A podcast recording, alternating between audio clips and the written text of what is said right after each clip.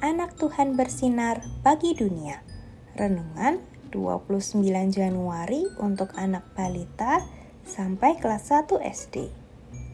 Dari Matius 7 ayat 24. Jadi, setiap orang yang mendengar perkataanku ini dan melakukannya, ia bagaikan orang bijaksana yang mendirikan rumahnya di atas batu.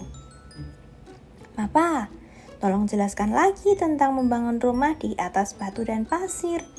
Hubungannya dengan kisah Tuhan Yesus apa? Tanya Bintang.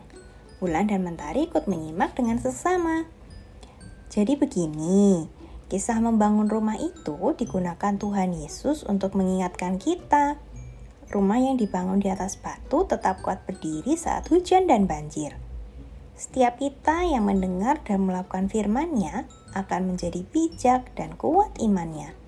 Jadi ketika ada masalah yang digambarkan oleh hujan dan banjir, tidak gampang menyerah atau putus asa karena tahu ada Tuhan yang akan menjaga.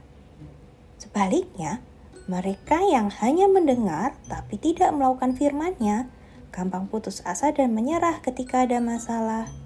Seperti rumah yang dibangun di atas pasir, roboh dan hancur saat terkena hujan dan banjir. Adik-adik, pilihlah dasar yang kuat. Jadi, mendengar dan melakukan firman-Nya adalah tanda kita percaya sepenuhnya pada Tuhan Yesus. Untuk adik-adik yang punya bukunya, Yuk sambungkan titik-titik pada gambar di dalam buku. Sesudahnya, jangan lupa untuk diwarnai ya. Mari kita berdoa. Tuhan Yesus, terima kasih untuk kisah dua dasar ini.